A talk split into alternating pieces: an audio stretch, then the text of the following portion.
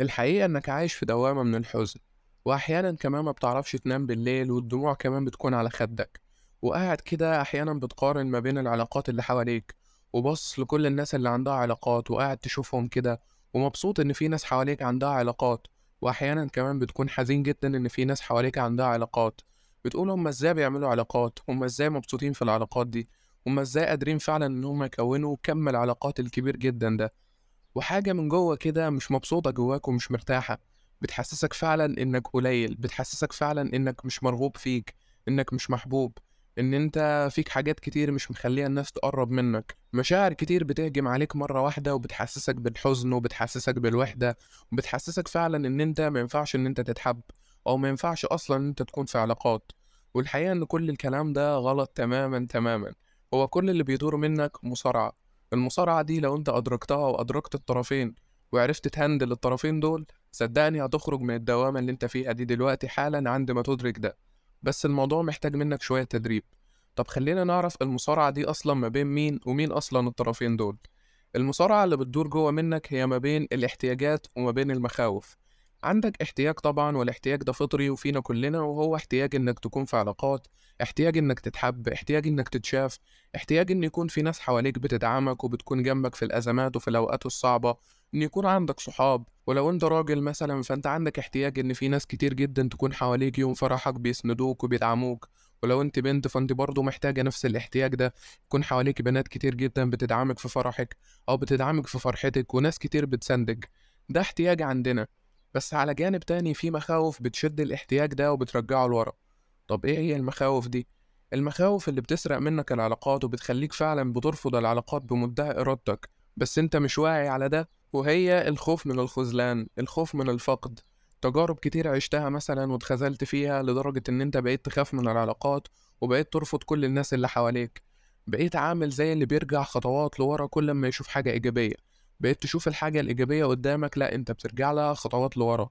يعني لو شفت ناس بتقرب منك وفعلا بتحبك هتلاقي بدون وعي منك أنت اللي بتتجنبهم أنت اللي بتتجنب إنك تخرج معاهم.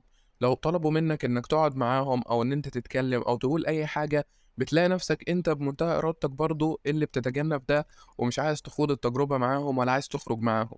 بس على جانب تاني الاحتياج بتاعك مبهدلك ومخليك فعلا عايز تروح وعايز تخرج معاهم وعايز تكون صداقات وعايز يكون عندك علاقات كتير وعايز تنبسط وعايز تفرح وعايز تخرج وحاجات كتير جدا.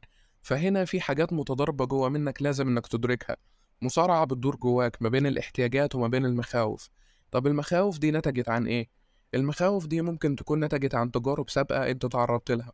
ممكن تكون فقدت شخص معين ممكن تكون اتخذلت من ناس كتير ممكن ناس كتير اتنمرت عليك من صغرك في طفولتك مثلا ممكن شفت علاقات كتير في صغرك العلاقات دي عقدتك من الدنيا وخلتك فعلا شايف العلاقات بمنظور سوداوي شوية إن أنت لو دخلت في علاقة فأنت هتلاقي ناس تتنمر عليك هتلاقي ناس تتريق عليك هتلاقي الناس دي مش بتحبك.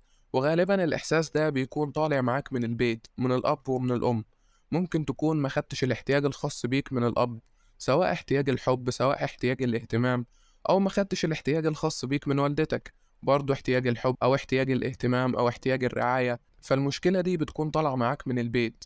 وممكن تكون شفت ده أساسا في والدك ووالدتك شفت إن علاقتهم دايما متوترة دايما فيها خناقات دايما فيها صراعات دايما فيها جوانب كتير وحشة أنت مش راضي عنها.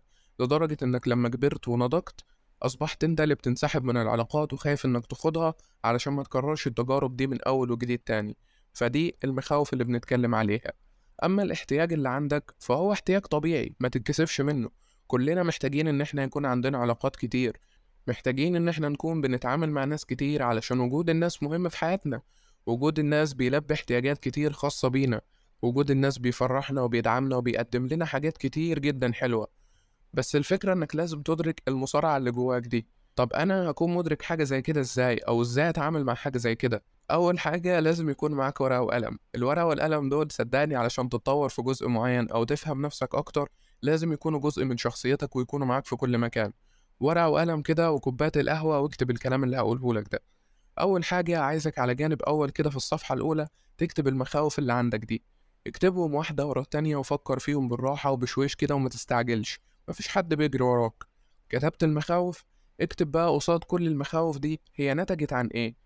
يعني لو أنت مثلًا خايف من العلاقات وخايف إنك تتخذل، هو أنت مثلًا تعرضت لعلاقات اتخذلت فيها بشكل كبير، والّا أنت مثلًا شُفت علاقات قصاد عينك وشُفت فيها كمية خذلان وشُفت فيها كمية حاجات وحشة أنت مش حاببها؟ اكتب المخاوف، اكتب الأسباب الخاصة بيها. في الصفحة التانية بقى اكتب الاحتياجات اللي عندك، أنت محتاج إيه دلوقتي؟ محتاج إنك تتحب، محتاج إنك تتشاف، محتاج إن يكون عندك علاقات، طب أنت محتاج إيه من العلاقات دي؟ يعني أنت مثلًا لو حبيت إنك تدخل في علاقة مع حد، أو حبيت إن يكون عندك مجموعة من الأصدقاء، فأنت محتاج إيه من الأصدقاء دي؟ إيه الاحتياجات اللي هُم ممكن يلبوها عندك؟ صدقني حاجة زي كده هتفرق معاك لإنك لما هتخوض التجربة هتكون عارف كويس أنت محتاج إيه وعايز إيه منهم بالضبط، وهتعرف كمان تلبي لهم هُم احتياجاتهم. طب برضه لسه معرفناش هنتعامل مع المخاوف دي إزاي؟ خلّيني أقول لك في الأول هو أنا ليه طلبت منك إنك تكتبهم على ورق، لإن الحاجة لما بتتكتب قصادنا على ورق نظرتنا ليها بتتغير، طريقة تفكيرنا ليها بتتغير. جرب الموضوع ده على كذا حاجة بلاش مثلًا موضوع المخاوف، جربه على أفكارك السلبية، جربه على أي حاجة تانية، هتلاقي إن فعلًا أفكارك اللي أنت بتكتبها غير أفكارك اللي في دماغك، لما بتكون شايف الحاجة قصاد عينك بتقل حدتها شوية، يعني لو بنتكلم على فكرة سلبية أو مخاوف فلما بتشوفها قصادك على ورق بتحس اللي هو إيه ده؟ هو أنا كنت خايف من الحاجة دي، أو إن أنا مثلًا الفكرة السلبية دي هي اللي كانت مأثرة عليَّ بالشكل ده، فإحنا كده بنهديك من جوه، أو بمعنى أدق بنقلل حدة الموقف، بنقلل من حدة المخاوف، بنحط المخاوف دي في حجمها الطبيعي، ولما هتحط الحاجة في حجمها الطبيعي هتعرف إزاي تتعامل معاها وتخرج منها. بعد ما كتبت المخاوف والاحتياجات بقى اللي عندك، عايزك تجدد المفاهيم من جواك في المقام الأول، جدد مفاهيمك تجاه المخاوف دي وجدد مفاهيمك تجاه الاحتياجات. طب حاجة زي كده برضه هنعملها إزاي؟ بُص على المخاوف اقراهم واحدة ورا التانية، وبعد ما شُفت أسبابهم أعرف إن الأسباب دي مستحيل إنها تتكرر تاني، وحتى لو اتكررت فأنت بتتعامل معاها بوعي جديد بشخص جديد، مش أنت الشخص اللي كان إمبارح ولا أنت الشخص اللي كان من 10 سنين ولا أنت الشخص اللي كان من 20 سنة فاتت، أنت شخص جديد بأفكار جديدة، فأنت قادر إن أنت تتعامل مع المشاكل، فلما هتقول لنفسك الكلام ده هتزود من ثقتك في نفسك، وهو ده اللي هيدفعك إنك تخوض التجارب. دايمًا هتلاقي العامل الأساسي اللي بيخليك فعلًا مش قادر إن أنت تخوض أي تجربة، أو مش قادر إن أنت تدخل في أي علاقة هي الثقة بالنفس، هتلاقي إن ثقتك في الموقف ده أو في الحاجة دي قليلة شوية، وعلشان نزود الثقة بالنفس لازم تتكلم مع نفسك بصوت عالي وتتكلم مع المخاوف دي، تتكلم مع الأفكار اللي أنت كتبتها، اتكلم مع الموقف اللي حصل بقى له 10 سنين، اتكلم مع نفسك فيه. ولو مش قادر إنك تعمل حاجة زي كده مع نفسك أو خايف أو حاسس إن حاجة زي كده هتكون تقيلة عليك أو مش قادر إن أنت تعملها، مش عيب أبدًا إنك تلجأ لثيرابيست أو معالج نفسي، صدقني خطوة زي كده هتكون مهمة بالنسبة لك في الوقت الحالي، هيساعدك تفهم نفسك، هيساعدك تهندل أفكارك، هيساعدك فعلًا تكتشف حاجات كتير في نفسك وجوانب كتير أنت كنت غفلان عنها، ومن ضمن الجوانب اللي كنت غفلان عنها هي المصارعة اللي بتدور جواك ما بين المخاوف وما بين الاحتياجات. مش هاقدر أقول لك حلول بشكل عام وأقول لك اعمل كذا واعمل كذا واعمل كذا، لإن الاحتياجات والمخاوف بتختلف من شخص لتاني، ما فيش معيار ثابت وما فيش مقياس ثابت ممكن أحطه لكل الناس فالناس هتمشي عليه والناس هتبقى تمام وزي الفل، بس المعيار الثابت اللي ممكن أديه لك وبالفعل ممكن تمشي عليه ويجيب نتيجة معاك هو إدراكك بالمشكلة وإدراكك بالمخاوف وإدراكك بالاحتياجات، وده عن طريق إنك تكتبهم قصادك، فيهم حاجات مش قادر إن أنت تتعامل معاهم لازم تلجأ لثيرابيست أو معالج نفسي علشان يساعدك في حاجة زي كده، ولما هتفرغ اللي جواك قصاد المعالج النفسي وتقول كل حاجة جوا منك والمواقف أو التجارب اللي خلتك فعلًا مش قادر تتعامل مع ده أو مش قادر تتعايش مع ده، من هنا هتبدأ خطوة العلاج، لإن أنت هنا بدأت بالفعل في المواجهة، بدأت إن أنت تواجه التجارب القديمة، بدأت إن أنت تخرج من دايرة الماضي اللي أنت حابس نفسك فيها، ومش هتفضل بقى قاعد حزين كده مع نفسك وقاعد بتفكر كده وبتقول هو أنا ليه ما عنديش علاقات؟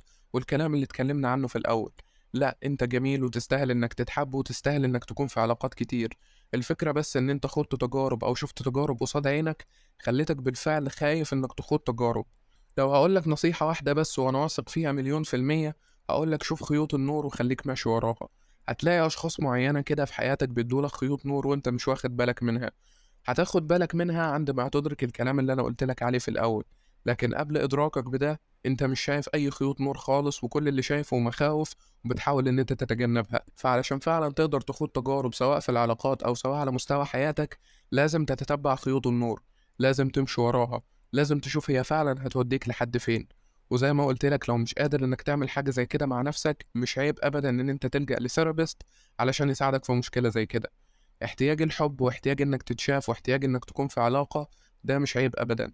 ده احتياج عندنا كلنا واحتياج فطري كمان. وبالمناسبة كلنا بنحس بالمشاعر اللي انت بتحس بيها دي. كلنا بنحس في بعض الأحيان إن إحنا لوحدنا. كلنا بنحس إن إحنا مفتقدين حاجات معينة. في حاجات معينة كده وفي مشاعر معينة نفسنا نعيشها مع أشخاص بس مش قادرين نعرف هما مين الأشخاص دول أو هما فين أو إزاي أصلا هنعيشها معاهم. بس بنقعد مع نفسنا كده ونجدد أولوياتنا من أول وجديد ونعيد ترتيبها وبنشوف إيه المخاوف وبنشوف إيه الاحتياجات. ونكتبها ونحاول إن إحنا ندركها قصاد عيننا كده علشان نعرف نتعامل معاها. مش عايزك تشوف نفسك بنظرة سوداوية ولا تجلد في نفسك ولا تشوف إن العيب في نفسك. العيب مش في نفسك خالص ومش لازم تكون أنت السبب الأساسي في المشكلة. أنت ممكن تكون اتحطيت في المشكلة بس مش أنت السبب فيها بس أنت المسؤول عن تصليح كل حاجة في حياتك. أنت المسؤول عن تغيير أي حاجة في حياتك وأنت المسؤول برضه عن تطوير أي حاجة في حياتك. ممكن تكون مش أنت السبب بس برضه أنت المسؤول عن التغيير. خلي القاعدة دي قصادك وصدقني هتغير حياتك 360 درجة لو اتبعت فكرة إنك مسؤول مش ضحية لأي حاجة. أشوفكم على خير دايما في حلقة جديدة وبودكاست قهوة بدون سكر.